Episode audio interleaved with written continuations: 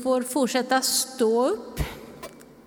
Vi får upplyfta våra hjärtan och lyssna till dagens heliga evangelium. Så skriver evangelisten Lukas. Tillfångad av farise... Tillfrågad av fariseerna om när Guds rike skulle komma svarade Jesus. Guds rike kommer inte på ett sådant sätt att man kan se det med sina ögon. Ingen kan säga här är det eller där är det. Nej, Guds rike är inom er.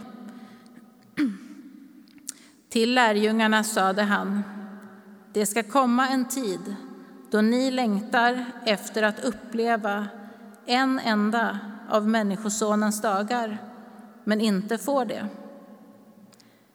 Man ska säga till er, där är han, eller här är han. Spring inte dit det pekar, rusa inte efter dem. Ty liksom blixten flammar till och lyser upp hela himmelen från horisont till horisont, så ska Människosonen visa sig på sin dag. Men först måste han lida mycket och förkastas av detta släkte. Som det var i Noas dagar, så ska det bli under Människosonens dagar. Folk åt och drack, gifte sig och blev bortgifta ända till den dag då Noa gick in i arken och floden kom över dem och gjorde slut på dem alla. Eller som på Lots tid, då folk åt och drack, köpte och sålde, planterade och byggde. Men den dag då Lot lämnade Sodom regnade eld och svavel från himmelen och gjorde slut på dem alla. Likadant blir det den dag då Människosonen uppenbaras. Så lyder det heliga evangeliet. Lovad vare du, Kristus. Ja, tack så mycket, Therese, vår praktikant från Johannelund. Eh, I varje fall i några timmar till är du ju det. Ja, kära Sankta Clara, god förmiddag. Det är ju så stärkande att höra vittnesbörd för som hände för många år sedan, vad som hänt här i kyrkan. Den här morgonen tänkte jag på Malcolm Hamilton som firade 9.30-mässan. Han sa ju att han ofta gick förbi Sergels torg och så tänkte han, är den där kyrkan där med den där vagnen nästan varje dag? Hur orkar de? Ett vittnesbörd som ledde att han fick komma till tro och har hjälpt kyrkan så mycket i flera decennier efter det. Det är också gott att ha vittnesbörd från den här veckan som har varit nu. Jag tänker på i onsdags då hade vi en dag om Gå för Sverige. Ni vet, vi var ett eh, gäng eh, galningar som fick gå från Haparanda till Stockholm, en tur till Göteborg och en liten swish till Ystad i somras. Eh, det är ju bara 1018 kilometer från Haparanda till Stockholm om man följer E4 med bilen. Ehm, och på den här resan fick vi be för hela Sverige. Och prata med människor längs vägens gång. Eh, en sån dag hade vi onsdags då vi berättade om det och blickade mot nästa sommar då vi hoppas gå från öst till väst istället. Varför inte från en stad som heter Stockholm till exempel till eh, Oslo eller något annat i väst. Jag har hört att Wisconsin ligger också i väst men jag tror vi tar, stannar i Oslo. Ja, det var inte riktigt rätt uttalat. På den här dagen gick jag till Pressbyrån när vi hade Gå för Sverige. Klockan var kvart i ett. Lunchmässan var avslutad Och min mage kommunicerade till mig att den här dagen och eftermiddagen blir mycket bättre om du får en korv än om du inte får någon korv innan eftermiddagen drar igång. Så jag eh, sprang med två gäster här från Gå för Sverige över till Pressbyrån. Och när vi kommer in på Pressbyrån så möts vi av den vänlige Salim och hans fru. Och så säger Salim till mig, du Mats, vad bra att ni har kyrkan öppen. Ja, säger jag, det, det tycker jag också är, är bra. Vi försöker med två meters avstånd och hygienregler och stänger av varannan bänkrad och så här Nisse som vi gör och försöker så här. Ja. För han säger, det är så bra för jag märker hur människor förvandlas genom er verksamhet. Jaha, sa jag. Ja, så är det med mina stamkunder, säger han. Och så börjar han berätta om en av hans stamkunder. Och när han har berättat sådär en minut eller så, då förstår jag att han pratar om min kompis Ray här i kyrkan. Ha? Han säger, vet du hur det var med, med honom förut? Och vet du hur vänlig och hur fin han är och allt vad han gör nu, vet du? Men jag sa, jag vet nog bara lite av allt gott han gör. Men jag vet att något har fått ske inom honom och det märks sen utåt. När jag gick därifrån ganska snabbt med korven i min hand så tänkte jag Pressbyrån vittnar. Pressbyrån vittnar om Guds rikes gärningar. Om kyrkan eller lärjungarna tystnar och stenarna ska ropa så är nog Pressbyrån också med stenarna och ropar. Men så är det också bra att ha vittnesbörd eh, från den här helgen och inte bara från den här veckan. Vi hade ju en, eh, eh, en alfahelg, välkommen fram Daniel. Vi hade ju en alfahelg igår i Hammarbykyrkan. Vi var ett 30-40-tal som fick samlas på temat att bli fylld av den helige ande. Och det finns ju mycket sämre teman man kan samlas på. Man kan ju samlas på temat våld eller temat avundsjuka eller andra teman. Men att samlas på temat bli fylld av den helige ande, det är ett väldigt uppmuntrande tema att samlas på. Och du var ju med en sväng igår, eh, Daniel. Du får ta ambon här om du vill. Eller om, titta, det är Niklas leverans, tack. Eh, jag tänkte bara fråga, fick du med dig något från gårdagen, liksom från det som hände där i Hammarby? Ja, men det var en härlig, eh, härlig atmosfär. Eh, den helige Ande rörde vid, vid eh, hjärtan och var både nöd och, nöd och glädje och tacksamhet, innerlighet. Eh, ja, tårar och, och även frid. Jag kommer ihåg att eh, någon sa vid ett tillfälle att nu är jag så varm om händerna, vad ska jag göra? Mm. Och då sa jag att jag vet inte, men jag tror att det är ett, det är ett tecken på att du ska eh, bota sjuka, be för sjuka. Det är ett vanligt tecken i Guds rike att händerna blir sådär saligt varma. Och så var det någon som nästan ropade lite senare, det brinner i mina händer. Mm. och då sa jag, ja, Gud fördelar, Guds ande fördelar sina gåvor på var och en som den själv vill. Mm. Du hade också med din dotter Alma, mm. ja, var så roligt. Mm. Och det där du sa om Guds atmosfär, då tänkte jag på Karl-Erik Salberg som predikade för ett tag sedan här i Sankta Clara. Då sa han att bön ger en Guds atmosfär och en Guds atmosfär öppnar för under. tycker jag var minnesvärt. Bön ger en Guds atmosfär och en Guds atmosfär öppnar för under. Mm. Mm. Ja, verkligen. Det var, det var väldigt härligt också tyckte jag, även ja, lite tidigare där eh, när du glömde bort din predikan och vi ja. bad, bad lite för länge. mm. det, det, brukar bli som bäst, bäst ibland när prästen inte predikar. Mm. Men just idag tänkte jag predika. Det, var, det blev lite bön och lovsång istället. Får ta igen det idag. Ja, det, det, är som, det är som när våra vänner Eklövs eller Lundströms eller andra leder lovsång. Man vill helst inte börja predika utan helst vara kvar en stund i, i lovsången. Tack Daniel, uppmuntrande att få en hälsning från igår.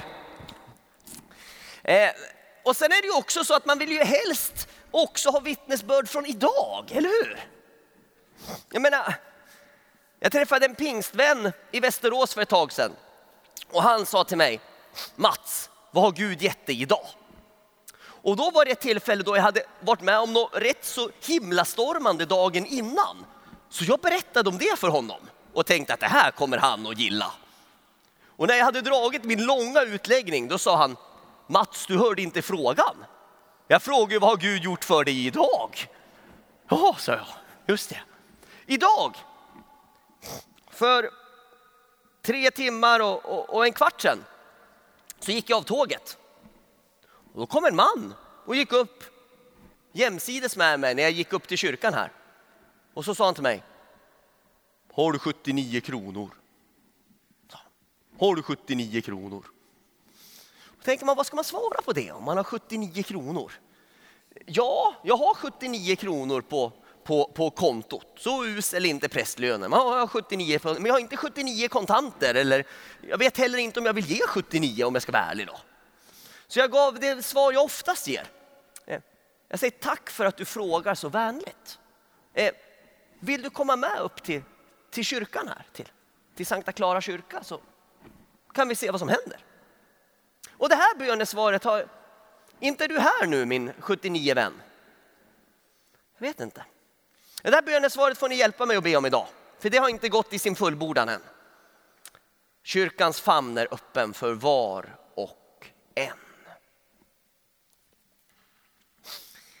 Jesus som talar här i evangelietexten.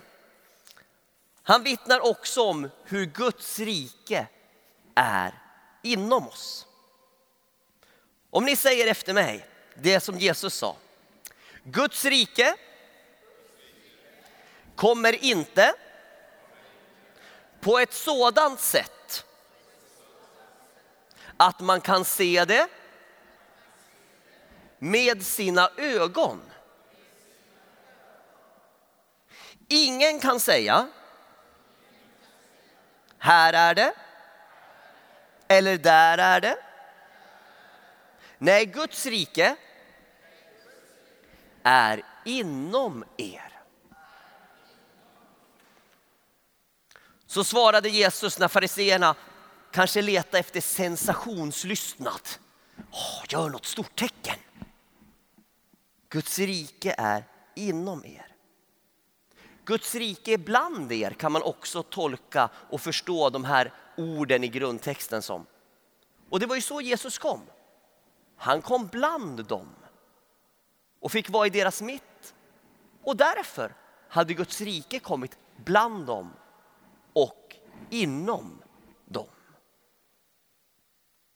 Till sin närmare krets, den mycket uppmärksamme bibellyssnaren när du läste Therese kanske noterade att det stod till lärjungarna sa han.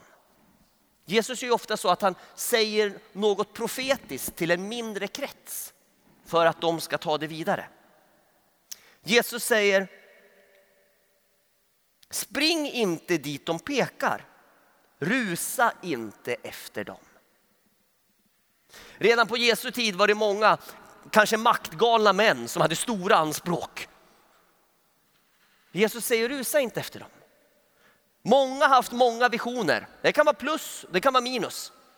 Men Jesus, han inkarnerades. Han kom i köttet. Han blev människa. Snacka om att uppenbaras på ett tydligt och säkert sätt. Det är alltså inga nyheter än de vi redan har. Att Gud skapade världen så skön och funktionell så att den vittnar om hans storhet. Och så märker vi på nyhetssändningarna att människan har lämnat Gud, eller hur? Och tyvärr märker det vi lite i vårt eget hjärta också att människan har lämnat Gud, eller hur? Och lite på vårt jobb och, och, och lite i vår bekantskapskrets och bland grannarna märker vi också att människan har lämnat Gud. Men så kommer han. Kommer han och föds som en människa för att bli som en av oss men utan synd. Jesus som öppnar genom sin död, sitt lidande och sin uppståndelse vägen till himlen. Och därför står det i episteltexten som vi inte läste idag. Ni vet förr i tiden innan corona då firade vi högmässa i Sankta Clara. kunde vi läsa GT-text och episteltext och evangelium. Jag fuskar lite idag och ger er fyra ord från episteltexten. Ni kan säga efter mig. Vårt hemland är himlen. Det är dit det pekar med Jesus. Kanske känner du av också att ditt hemland är himlen. Att du inte är helt hemma här på jorden. Livet här på jorden har varit lite tuffare än du tänkt dig. Har det inte? Och att du känner att jag ska inte vara här för evigt. Det är fint om man känner sig hemma, om man har ett hem att bo i. Det är ju positivt. Men det är inte för evigt. Du är här på uppdrag. Du är här på resa. Ditt hemland är himlen. Tro mig, där kommer du att känna dig hemma.